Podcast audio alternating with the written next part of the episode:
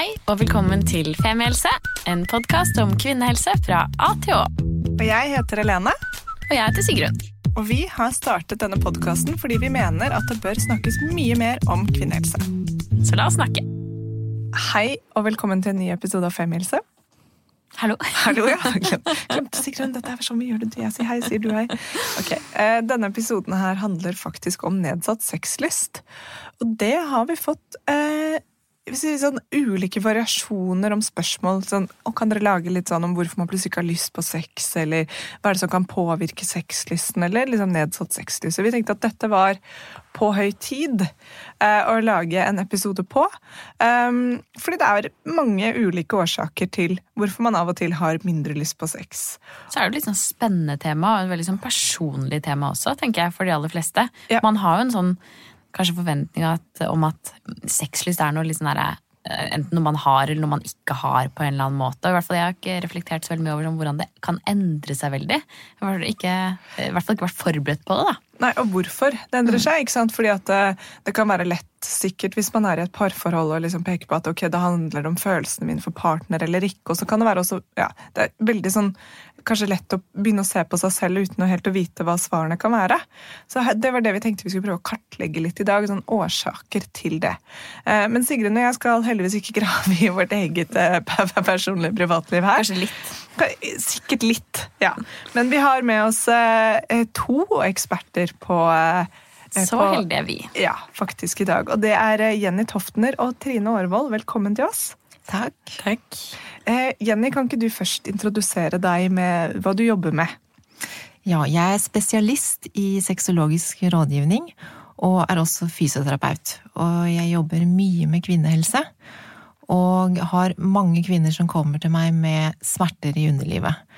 Og eh, da kan de jo også tenke seg at når man har smerter, så har man ikke så veldig lyst til å ha sex heller. Så jeg jobber mye med det at de sliter med lav sexlyst, og ja, hvordan gripe fatt i det når man skal begynne å prøve å tilnærme seg det igjen. Og vi må komme veldig mye mer tilbake til det eh, snart, men Trine, introduser deg selv veldig gjerne. Jeg heter Trine Horvold. Eh, Jeg er lege og jobber ved en klinikk som heter Sex og samfunn. Eh, Og der tar jeg imot veldig mange unge mennesker. Og vi på Sex og samfunn er utrolig opptatt av eh, seksuell helse. For seksuell helse, det har vi alle sammen. Og det er viktig at den seksuelle helsen er god. Og da er seksuell lyst veldig viktig, tenker vi. Jeg, jeg liker at det er et sånt eget fag som er sånn seksuell helse.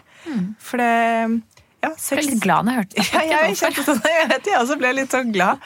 Det er sånn sex på agendaen, det er litt hyggelig. Og ikke liksom, ja. Mm.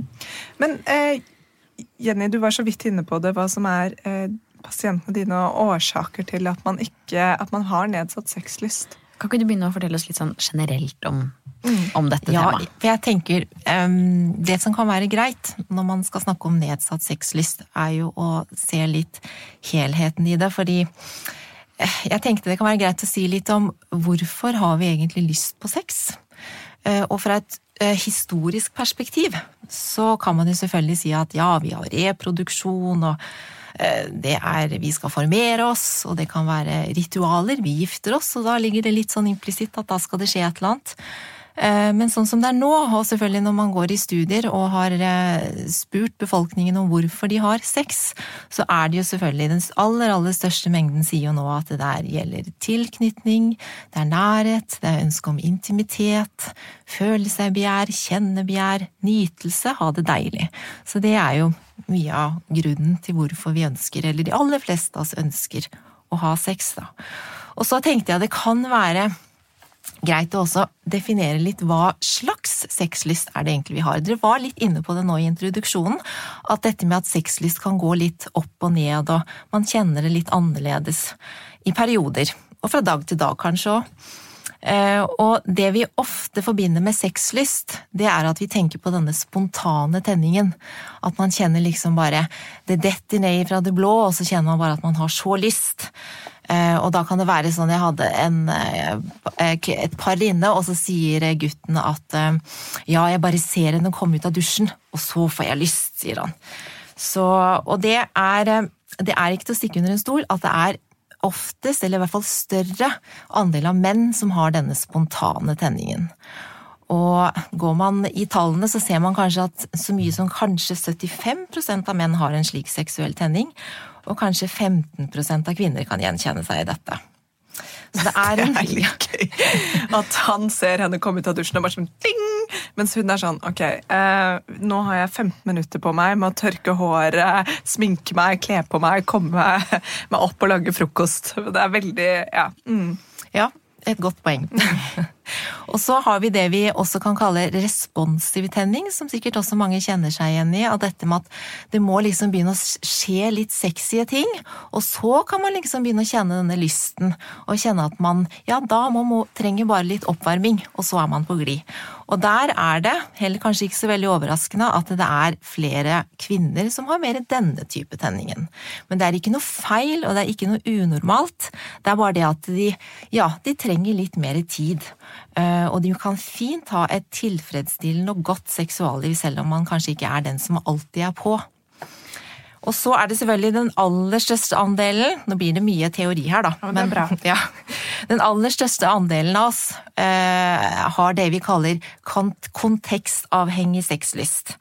Og så tenker dere hva i all verden er det, da? Og det er det, nettopp det du sa med at det kan variere litt. Nettopp med at ja, du kommer ut fra dusjen, og det du tenker på er jo nettopp ikke sex, for du har 15 minutter på at du skal gå videre et sted. Eh, og et typisk scenario som sikkert mange kan kjenne seg igjen i, er dette at du ser for deg to ulike dager, hvor den ene dagen så går alt på skinner. Eh, du kan eh, slappe av, du får sovet godt, alt går bra på jobben, alt er liksom helt perfekt. Og så kommer, kommer, du hjem, og så kommer mannen din hjem, og så tar han og legger hånda si under genseren din, og så sier han 'Å, i dag har jeg lyst på deg'. Og så ser du for deg et annet scenario hvor eh, alt går helt gærent. Du eh, står i kø, og du rekker ikke det du skal, du har barn som gråter i bilen, og du er kjempestressa. Og så, så, ser du det samme scenarioet. Mannen kommer hjem, legger hånda si under genseren din og sier at 'å, jeg har så lyst'. Og da tror jeg vi fleste kanskje kan kjenne oss igjen at 'jeg er kanskje ikke akkurat helt klar for det der'. Så det er liksom noe med den tilværelsen du har inni deg, den indre tilværelsen, samtidig det har noe med ytre omgivelser. Og til sammen så skaper dette da har du lyst, eller har du ikke lyst? Og det er veldig individuelt fra kvinne til kvinne, da, hva vi reagerer på.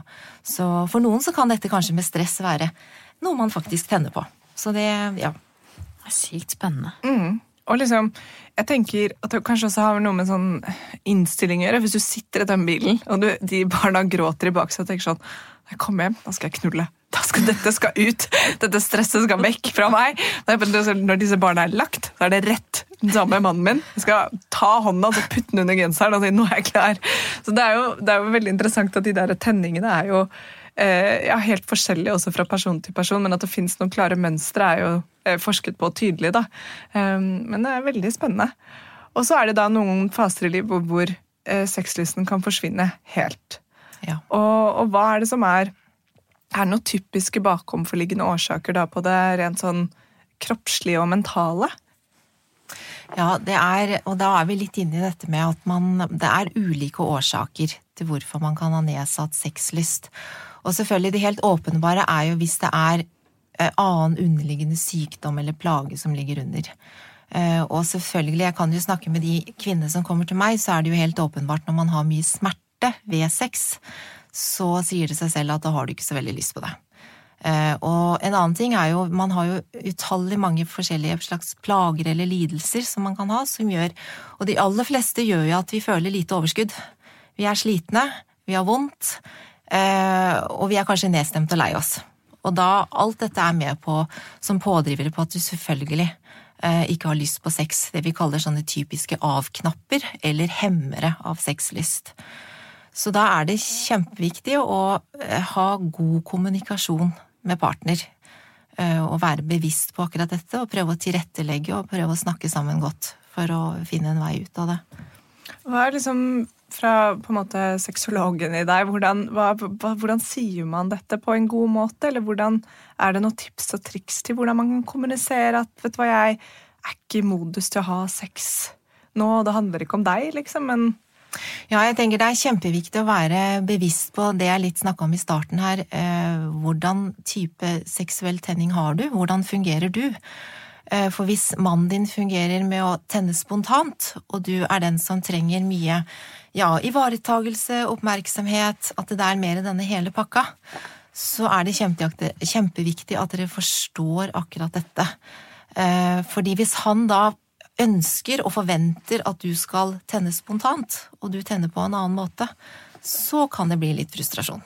Så det er viktig når jeg har par inne, at de klarer å kommunisere og få frem akkurat dette. Hvordan er det de responderer, og hva er det de trenger?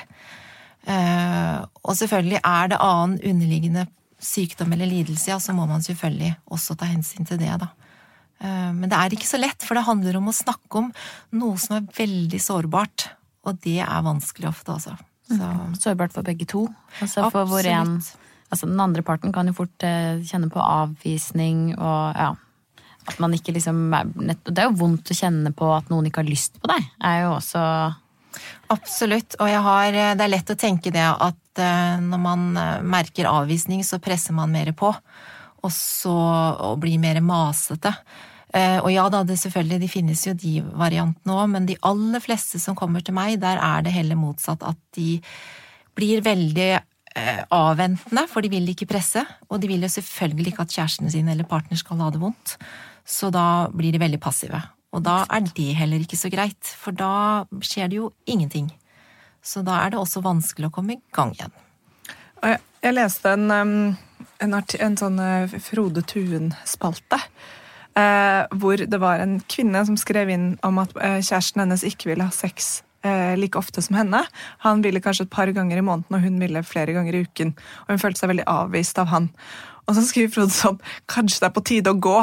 sånn, eh, ok, hold your horses, Frode. Det, og det tenker jeg også at den rolle Han skrev mye mer enn det, så jeg skal ikke sitte og disse han her, men jeg synes det var interessant at akkurat på den hvor det var hun som ville ha mer sex enn han, så ble det liksom nå synes jeg kanskje at altså Det høres ut som det er noe galt, men det kan jo jeg tenker ofte den eh, rollen for mann, kvinne også. fordi som mann, hvis du da plutselig mister den spontane lysten eller den tenningen, og så kan jo det sikkert være sårt på seg en helt sånn uh, at, at, det, at, det, går imot på en måte kjønnsmønstre og rollemønstre. da. Ja, man kan jo absolutt eh, kjenne på det. Og det er nettopp det jeg tenker er så viktig. Jeg ønsker så veldig gjerne at man at eh, dere skal få med dere lytterne i dag. Er det én ting de skal få med seg, at det er ikke noe galt verken den ene eller andre måten man tenner på. Og dette selvfølgelig også kan variere i løpet av livet. At man typisk er jo når man er nyforelska. Masse spontan tenning. Og så begynner dette å gå over i kanskje litt mer responsiv og litt mer kontekstavhengig tenning. Men, eh, men være bevisst på det, fordi jeg tror vi kvinner da, har veldig lett for å tenke at når ikke jeg tenner spontant, ja, så er ikke det like bra. Eller, eller ja, når jeg ikke tenner spontant, så er det eh, mindre dårlig. Fordi spontan tenning er på en måte det optimale. Og en kontekstavhengig tenning, det er, det er ikke like bra. Så, så, jeg tenker det er på tide at vi begynner å sidestille disse to tingene. Og si at det er like bra begge deler, og det er ikke noe bedre enn noe annet. Og heller ikke noe feil eller unormalt. Man må bare tilpasse seg. Hvis man er i et parforhold eller ikke, eh, hvor viktig er det liksom å onanere? Har det noe å si for generell sexlyst? Ja, det kan absolutt ha noe å si i den forstand eh, hva slags seksuell erfaring man har. Eh, og da er det f.eks. noen jenter som kan si til meg at nei, jeg har aldri tatt på meg selv, jeg, eller det er veldig lite, eller jeg har ikke hatt noe interesse for det. Og da, selvfølgelig, når du ikke kjenner kroppen din så godt, og ikke vet egentlig helt hvordan du kan nyte, så kan man jo også si at da er jo ikke lysten på sex heller så veldig høy, fordi du har egentlig ikke hatt det så veldig deilig, og vet ikke hvordan du kan ha det deilig. Så det er kjempeviktig å ivareta sin egen seksuelle nytelse. Utforsk! Ja, jeg husker eh, vi diskuterte det her forleden med en annen Sigrun som vi møtte, jeg husker ikke helt hvem, men diskuterte det der med å bare bestemme seg for at nå skal jeg greie å få meg selv til å komme. Jeg, for min del så var det jeg bodde i Barcelona i tre måneder og var 20 år og hadde aldri liksom greid å Jeg tror jeg aldri hadde hatt en orgasme. Og så var det bare sånn en kveld sånn Faen, nå skal det skje! Nå skal jeg få dette til! Og så greide jeg det. Det var et, et onanimaraton, men til slutt så kom jeg sånn gråtende over finishlinja og var sånn yay! Og jeg tror det sier seg for meg, i hvert fall sånn eh, Nå er jeg jo 34, dette er lenge siden, ikke sant, men den, hadde jeg ikke gjort det, hadde jeg ikke blitt kjent med liksom hva jeg likte og ikke likte, og fortsatt med å onanere, så ville det vært veldig vanskelig å få noen andre til å få meg til å komme, i hvert fall. Ja, altså, og jeg pleier jo ofte da eh, å si at eh, du trenger ikke å tenke at orgasmen skal være målet, for der igjen kommer prestasjonen din, da. Så da pleier jeg å si det at du bare begynn å stryke på tapet, og bare bli bevisst på hva er det du kjenner. Og hva er det du synes kan være deilig, og hvordan kjennes ting. Gå på oppdagelsesferd. Mm, ja, nei, jeg vil bare også si fordi, fordi akkurat det med maraton at det blir en liten prestasjon, at det kan ta jævlig lang tid. Så det er, ja. Mm. Nei, for Jenny, nå har jo du snakket litt om altså, dette tydelig underliggende grunner til nedsatt sexlyst, altså som sykdom enten psykisk eller fysisk, antar jeg, altså, som kan ha samme påvirkning. Men eh, det vi har fått mange spørsmål om også, er jo nettopp altså, fysiske andre grunner eh, til at man får nedsatt sexlyst. Altså eksempel som har med hormoner å gjøre og som har med prevensjon å gjøre. Og det kan kanskje du fortelle oss litt om, Trine? Ja, eh, jeg får jo veldig ofte de spørsmålene selv eh, på klinikken min. For vi driver veldig mye med prevensjon. Eh, og det er jo ikke til å Jeg skal ikke fornekte at det er noen som mister sexlyst når de begynner på hormonell prevensjon. Ja, kan du begynne med å si litt liksom, sånn, Hvor viktig er hormonene for sexlysten vår? Det er jo viktig. Eh, klart det. Og det er jo litt morsomt, fordi man ser jo det at eh, sexlyst også kan svinge litt hvis man ikke går på hormonell prevensjon i, prevensjon, altså i menstruasjonssyklus. Mange opplever kanskje særlig i den perioden før menstruasjonen kommer, at man har litt mindre sexlyst, og kanskje litt mer økt sexlyst før en eggløsning. Men igjen, dette er veldig individuelt. Eh, men hormonene påvirker oss som eh, mennesker. Eh, det er jo derfor de er der. Og derfor så kan jo folk merke endringer når de begynner på hormonell prevensjon. Noen opplever nedsatt, men det er også noen som opplever økt sexlyst når de begynner på hormonell prevensjon. Og tror du, ok, jeg kaster ut en teori der, mm -hmm. at det også er fordi man da ikke er redd for å bli gravid? At man også kanskje slapper litt av? Altså at man for det første er heldig med at hormonene da, eller prevensjon ikke påvirker deg, men at du også tenker sånn ok, nå er det bare å ligge på.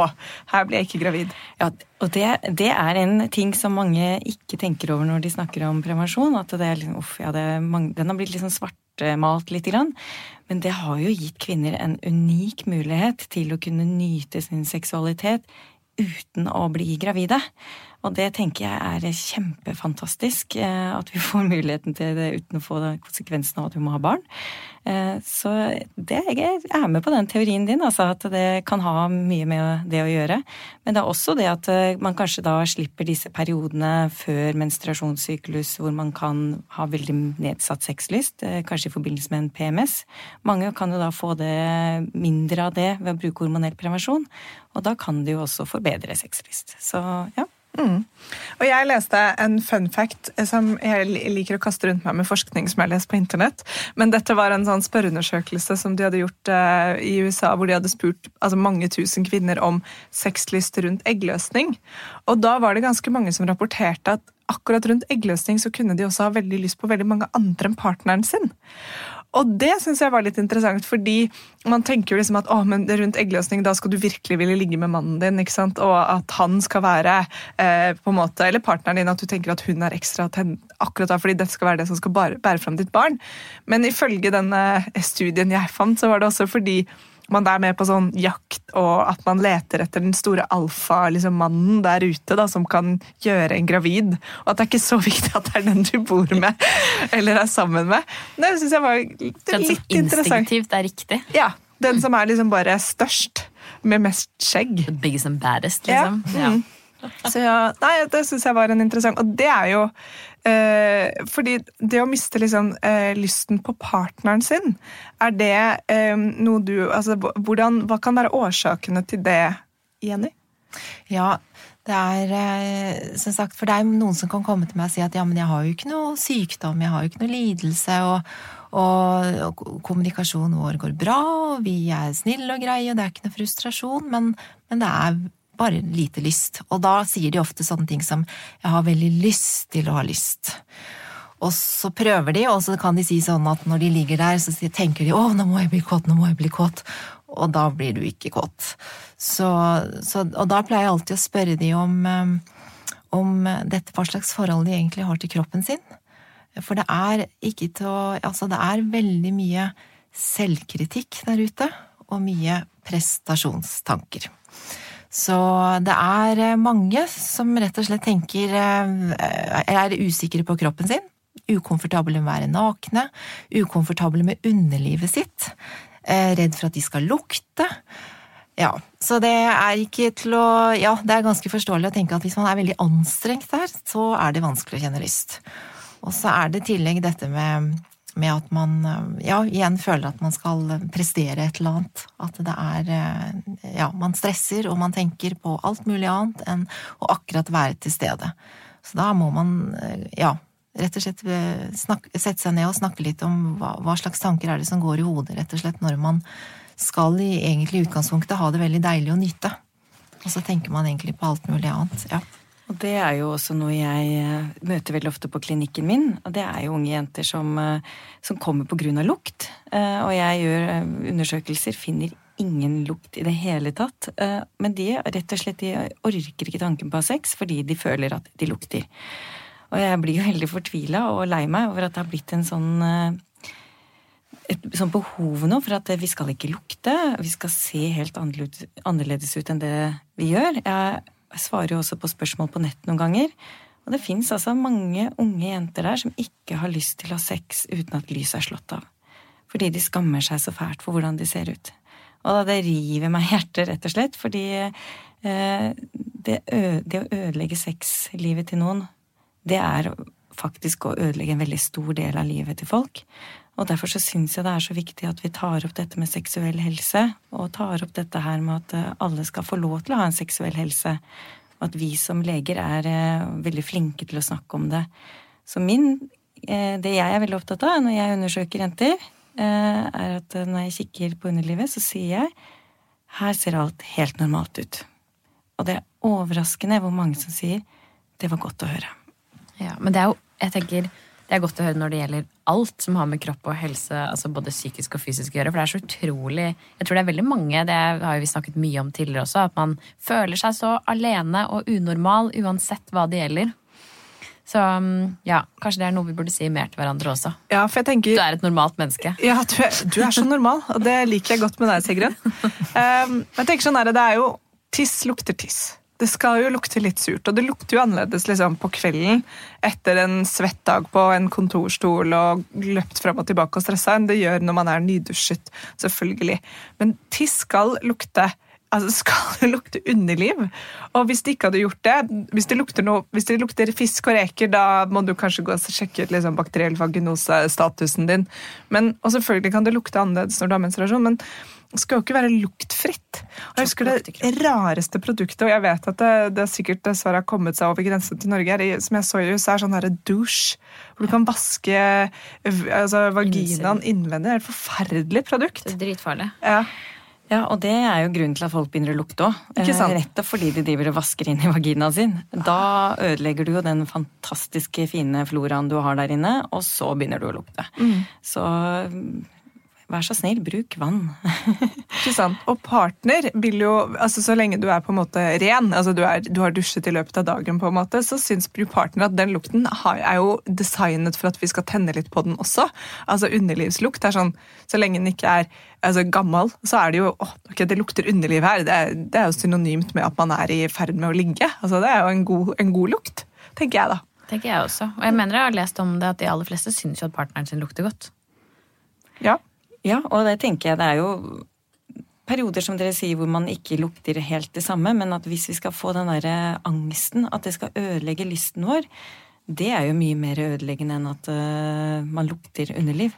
Og det vil jo partner også merke, og som du sikkert også legger merke til, det er jo noe med den derre at hvis den ene ikke er usikker på seg selv, ikke har det noe godt med sin egen seksualitet, så smitter jo det veldig lett over og gir eh, dårligere sexliv for et par, da. Så det er jo viktig det der med at man bygger hverandre opp. Mm. Kanskje vi skal alle sammen gå hjem og så sitte bare mm, så godt det lukter. ja. mm. og en annen sånn der, litt sånn aha-opplevelse etter at vi begynte å lage Femihelse, Siggen, er jo at uh, hver eh, vulva er like unik som hvert ansikt. Og da jeg tenkte på det på den måten, så ble jeg sånn Å, herregud, selvfølgelig. Hvorfor har jeg i det hele tatt tenkt at det var likere enn et ansikt? For hver er jo så unik at hvis du hadde plastret liksom, gipsavstøpninger opp, så hadde det vært Det er ingen av de som er like. De er like unike som oss, og selvfølgelig kan du ha sånn Du kan ha sånn, ja, Jeg så en vulva som lignet veldig på deg. Det er selvfølgelig noen som ligner der ute, men ja, du er ulik. Og, og det, er, det er jo ingenting som er normalt eller unormalt da, når alle er unike. Og det er veldig viktig å huske på. Mm. Uh, og at vi rett og slett uh, tenker at uh, kjønnsleppene våre og alt mulig, de, de, har en funksjon som er så fantastisk. fordi den, den, gir oss mye glede. Vulvaen vår gir oss mye glede. Den er ikke der for at vi skal ha den som en gipsavstøpning som er fin på veggen. Den er der fordi den skal gi oss nytelse og glede. og at vi må liksom sette pris på vulvaen vår. Og klitoris som gir oss mye glede, istedenfor at vi skal skal på en måte skjemmes for det. Ja, jeg pleier alltid å si til de som har et anstrengt forhold til underlivet sitt, så sier jeg dra hjem, se med speil.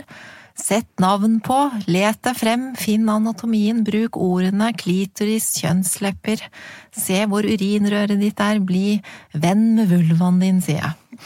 Ja, det er så fint. Bli venn med vulva. Det burde alle bli. Helt enig. Mm. For den er jo sykt kul, og alt den kan. Um, jeg synes en, en, annen ting som også er litt spennende å, å snakke om inn i dette her, altså Nå har vi snakket litt om grunner til nedsatt sexlyst. Men en ting vi har fått like mange liksom, eh, spørsmål om, eller i hvert fall innspill om, er å snakke litt om dette sexlyst i parforhold. Og det er sikkert mange som kan kjenne seg igjen i den kanskje nettopp frykten for endret sexlyst. Altså Hvis man er i et, et, parforhold som er ganske nytt, eller kanskje ikke er så nytt lenger, og så begynner man å bli vant til hverandre, og det blir liksom gå fra fest til hverdag, for å si det sånn. Um, kan du si litt om det, Jenny? Altså, er det noe man kan gjøre for å beholde sexlysten? Ja, og det er, det er, veldig fint du kommer inn på det, for det tenker jeg er en kjempeviktig ting å få frem. Fordi det er så mange som føler ja, eh, få dårlig selvtillit eller tenker at noe er galt da, når, når ikke lysten er like på topp som den var før. Uh, og selvfølgelig ekstra utfordrende hvis det blir frustrasjon uh, og det blir ulik sexlyst i parforholdet. Uh, og da er, pleier jeg å si det at da går vi litt mer inn i parterapiverden, da. Men det er kjempeviktig å snakke sammen godt og rett og slett få frem ja, altså man sier man skal liksom prøve å se forholdet litt i et fugleperspektiv, og så skal man se hva er det egentlig dette dreier seg om. Uh, og da er det kjempeviktig igjen å, å, kommunisere, for jeg har så mange par som kommer inn til meg, og så snakker de egentlig ikke sammen. Uh, og det kan være sånne helt konkrete kring, uh, ting, som å bare være bevisst på at jeg tenner hvis, eh, hvis, du gir meg mer oppmerksomhet, eller hvis jeg får mer ivaretagelse, eller jeg får Nå er det en veldig stressende periode i livet, jeg må mer, ha mer ro. Altså sånne type ting. Og bare si disse tingene til hverandre, så kan man forstå. Eh, og tilrettelegge. Men når man ikke helt forstår det, og igjen da søker etter denne spontane tenningen, så blir det frustrasjon, og så føler man at man bare går i loop om igjen og om igjen og om igjen, og så finner man ikke noe vei ut av det. Så, så der må man eh, finne ut av hvordan er det egentlig den enkelte part fungerer. Det høres litt komplekst ut, og det er liksom ikke noe sånn mirakel ABC-kur, men det er jo fordi vi er så forskjellige. Vi er veldig, veldig forskjellige. Og så er det jo på en måte kanskje noe litt fint i det også, at man i begynnelsen når man møter noen, så er det nettopp som vi snakket om i stad, veldig mye av den spontane sexlysten, og det er, altså, det er mye ligging, eh, men så blir man bedre kjent og mer glad i hverandre, og jeg syns jo hverdag er en, er en fin ting, egentlig, altså det aller beste. Og det du sier nå som, ja, det kan være noe man kan ta tak i hvis man måtte oppleve det som et problem, men det er jo også en spennende utfordring hvis man faktisk møter noen man liker, om at liksom, jeg har lyst til å bli kjent med dine tenningsmønstre, jeg har lyst mm. til å vite hva du liker, altså før det nødvendigvis blir et problem. Helt riktig. Men mer litt sånn, For det er jo helt vanlig at det endrer seg hvis man mm. er sammen med noen over tid. og at eh, Helt normalt. Det, kan, det, er akkurat det, og det, jeg tenker det kan jo være fint for mange å vite at det ikke er en krise av den grunn, men at man også akkurat, ja, kan ja. lære seg fint å leve i det. Ja, og det er da man eh, igjen kommunikasjon er kjempeviktig, så man kan trygge hverandre på at det er ikke noe feil eller noe galt og at vi er like glad i hverandre. Fortsatt lyst på deg. Ja, helt riktig. Jeg har snakket med en annen sexolog. Mye sexologi. En av de andre sexologene? En av de andre sexologene. Eh, faktisk eh, en som skal være med på livepoden vår. Um, og da eh, sa han at eh, han ofte opplevde at par kunne være veldig sånn um, de kom, og så var egentlig alt greit og alt fint, men eh, de var litt irriterte på hverandre. Så man kranglet kanskje ikke ferdig. Og det var mye sånn Du tar aldri ut av oppvaskmaskinen, du henger liksom ikke opp klærne, eller mm, du kommer aldri og legger deg samtidig, eller hvorfor blir ikke du med på middag til, eh, eh til farmor mer, liksom. At, men det var ikke store ting, men at det var sånn jevnt irritasjon. Og at altså det der å krangle seg ferdig og bli kåt var en, en greie. at liksom, For hvis du er jevnt irritert på noen, så er det ikke sånn Men da, nå er jeg i humør til å ligge. Og at man må kanskje jeg vet ikke, den der, At kranglingen og utløpet og bli ferdig med ting også kan være med på å øke sexlysten, kaster jeg ut til deg igjen. Ja, det er jo akkurat denne konteksten igjen, da. At hvis du er litt sånn småirritert og frustrert, så er ikke akkurat lysten der heller. Og da må man jo finne ut hvorfor går jeg rundt og er irritert over at eh, han eller hun eller ja, ikke rydder ut av oppvaskmaskin, og hvorfor vil ikke vedkommende gjøre dette, og hvor ja. Og da er det ofte noen litt større ting som henger over, som egentlig er grunnen til at denne frustrasjonen bygger seg opp, da.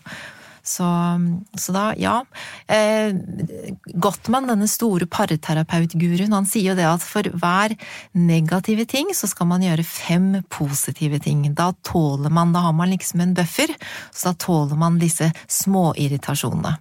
Og det er å være veldig positiv i forhold til hverandre, for eksempel hvis man sier skal vi gå ut og spise i dag, eller vil vi sette oss ned og lage en middag sammen, så skal man svare veldig positivt tilbake og si at ja, det har jeg veldig lyst til, for en flott, god idé. Og ikke sånne korte, mutte svar. Det er så enkelt som det. Hm. Fint. Ja, fint å ta med seg videre. Ja. Jeg kjenner at jeg har et liksom oppfølgingsspørsmål til Trine. Mm. Reft dette om prevensjon. Sorry hvis dere blir forvirret når jeg hopper, hopper nå. Ehm, men eh, vi har jo snakket en del om prevensjon her i podkasten tidligere. Og eh, jeg føler noe av det viktigste i hvert fall jeg har tatt med fra det, er jo dette at det fins ehm, stort sett et prevensjonsmiddel som funker for deg. Sånn at hvis det er noen som kjenner, går rundt og kjenner på at de går på p-piller, og at de føler veldig på nedsatt sexlyst, er det da kanskje et alternativ å prøve noe annet? Ja, og eh, en av de tingene vi er veldig veldig opptatt av eh, hos oss, eh, det er jo at vi skal fortelle folk om bivirkninger de kan oppleve. For vi snakker alltid om det at du kan få nedsatt sexlyst. Og det tenker jeg er så viktig for at du ikke skal tenke det er noe gærent med deg. Men at det da blir lettere å, å sette forståelse på det, at det ikke blir noe problem med deg og partneren din fordi du plutselig har nedsatt sexlyst. Eh, og det er jo vanlig at dette er noe også som går over. At det er et sånn oppstartsproblem. Veldig mange opplever bivirkninger de første tre månedene, og så, og så går det seg litt til etterpå. Eh, og da er det fint å være klar over det. Så vi vil helst at folk skal vite om bivirkninger før de starter opp, sånn at de også kan kunne håndtere bivirkninger hvis det kommer. Og det fins så mange forskjellige varianter, eh, og veldig ofte så er det jo da det er jo det hormonet som heter progesteron, eller gestagen, som vi kaller det i, i eh, prevensjonsmiddelet, som ofte gir disse bivirkningene. Og den fins det mange varianter av. Sånn at det går an å bytte til noe annet. Eh, og vi har jo også kobberspiral, som er hormonfritt. Eh, og vi bruker alt mulig hos oss, og er veldig opptatt av å ta alle på alvor hvis de kommer tilbake med plager. Og at de vet om det på forhånd, det er viktig.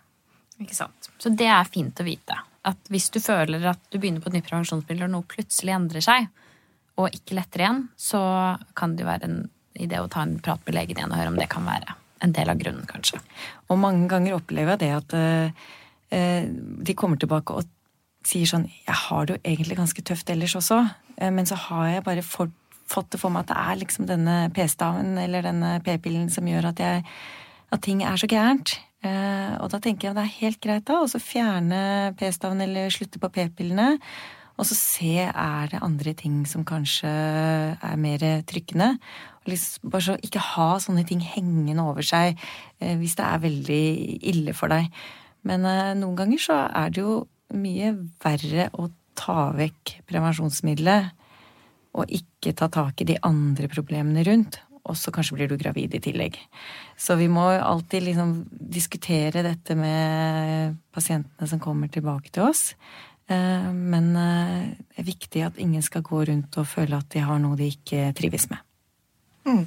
Og nå kaster jeg dette spørsmålet på deg, Trine. Du får bare si om, dette, om det ikke blir riktig. Men hvis man er i et fast eh, parforhold, og man, det er ikke så farlig hvis man blir gravid, hvordan er da metoden hopp av i svingen for altså, du er liksom Du er ikke 16 lenger, så du vet når du kommer som mann. Hvor funker det? Ja, altså Det er jo den mest brukte prevensjonsmiddelet som fins. Mm. Eh, og det er jo den som har vært brukt lengst også. Eh, og hvis du klarer å gjøre det helt perfekt, så blir så få som eh, fire av hundre gravide med det. Men eh, i realiteten så er det ekstremt vanskelig å få til dette korrekt. Så eh, studier har vist at i det vanlige livet så er det opp mot 22 av 100 som blir gravide i løpet av et år hvis de driver med å hoppe av i svingen. Sånn at da er det veldig viktig at det ikke er sånn krise, da. At du blir gravid. Eh, så er jo det noe man kan drive med. Men hva med precam? Kan man bli gravid av det? Ja, eh, det viser seg at eh, noen kan ha levende spermier i precam. Sånn at det er derfor ikke hopp av svingen er 100% på noe som helst måte. Og vi er veldig opptatt derfor å gi alle som begynner på prevensjon, informasjon om hvor sikkert er dette prevensjonsmiddelet. Eh, og så, som du sier, er du et parforhold. Det er egentlig greit å bli gravid. Ja, men da er det jo bare å, å bruke den metoden og bli gravid hvis du blir gravid. Men hvis det er skikkelig krise, da er det dårlig idé. Mm. Fordi Da er det brukerfeil, rett og slett? At, liksom, at, han kommer for fort, eller at han har hatt utløsning tidligere på dagen, så det er Eller glemmer å hoppe. Ja, ja, eller at det da er noe spermier i precum, ja. ja, eller lystråper, eller hva man liker å kalle det. Ja. Så det, det, er, det, er, mange som sitter rundt omkring eh, her i Norge som er barn av hopp av i svingen, for å si det sånn. Ja. Mm. Nei, men Det er greit. Da har vi spurt om det også, Sigrun. Vi har nemlig fått mye spørsmål om precum inn i innboks. Vi, sånn, vi, vi, skal ta det ved første mulighet. Skal sjekke opp. Ja. Mm. så bra. Eh, er det noe vi har glemt nå? Er det noe dere vil legge til om nedsatt sexlyst? Har vi dekket liksom dette, eller? Eh, en av de tingene jeg ser ofte som et sånn nedsatt sexlystproblem eh, hos de unge som kommer til meg, da, det er jo det at de, de, har så høye forventninger til at alle skal ha så mye lyst hele tiden. Mm. Særlig når man er ung. Mm. Uh, og da sånn som dere sier at hun var ny i parforhold og alt mulig, så da er det Det skal være på, på, på, på, på. Uh, og så blir det liksom ikke noe rom for uh, å ikke ha lyst. Og da blir det plutselig en skikkelig krise. Og jeg og Jenny har jo snakka litt om dette her før òg. At mange jenter da begynner å slite med at de, de tar lengre tid før de blir våte. At du kan ha lyst i hodet, men så blir du liksom ikke våt nok. Men så har du sex allikevel, og så begynner du å få vondt. Eh, så vi vil egentlig slå et slag for denne glidekremen. Glidekrem burde egentlig stå i alle skap rundt omkring i de norske hjem. I hvert fall tabu. Det er ikke noe nederlag, og heller ikke noe unormalt å bruke glidemiddel. Nei, det kan, og det kan være fint å bruke når man onanerer også, for kvinner. Altså, det er jo ikke så mye naturlig glid rundt klitoris og sånne ting. sånn at uh, det at det, Noen ganger så har man veldig lyst i hodet, men kroppen er liksom ikke like gira. Da er det jo veldig viktig at man uh, bruker glidemiddel og ikke har samleie som er for tørt, for da opplever i hvert fall vi på både Jenny og jeg har en del pasienter da, som får mye smerter. Så tenkte jeg å si én ting eh, som et godt, sånn enkelt, spesifikt råd for de som har plager eller lidelser eller sliter eller syns det er vondt eller at det er vanskelig å komme i gang igjen. Da pleier jeg å si det at du prøv, snakk sammen og så prøv å finne ut av hva er det dere har lyst til, og hva kan dere gjøre hvor dere kjenner at det skal gå greit. Da skal jeg ikke stresse, og jeg skal ikke tenke og gruble for mye. Jeg kan slappe av og nyte. Om det så er å bare ligge inntil, stryke på armen, eller kysse litt, eller kose, eh, eller ta en lang, varm dusj sammen, så, så start med det. Og så kan man etter hvert se om man ja, kan putte inn eller trekke ut ting. Men, men det er liksom veldig viktig å få en Definere en ja, en mal hvor man kjenner at her er jeg trygg. Trygghet er kjempeviktig. Hvis ikke du er det, da er, kommer ikke listen heller.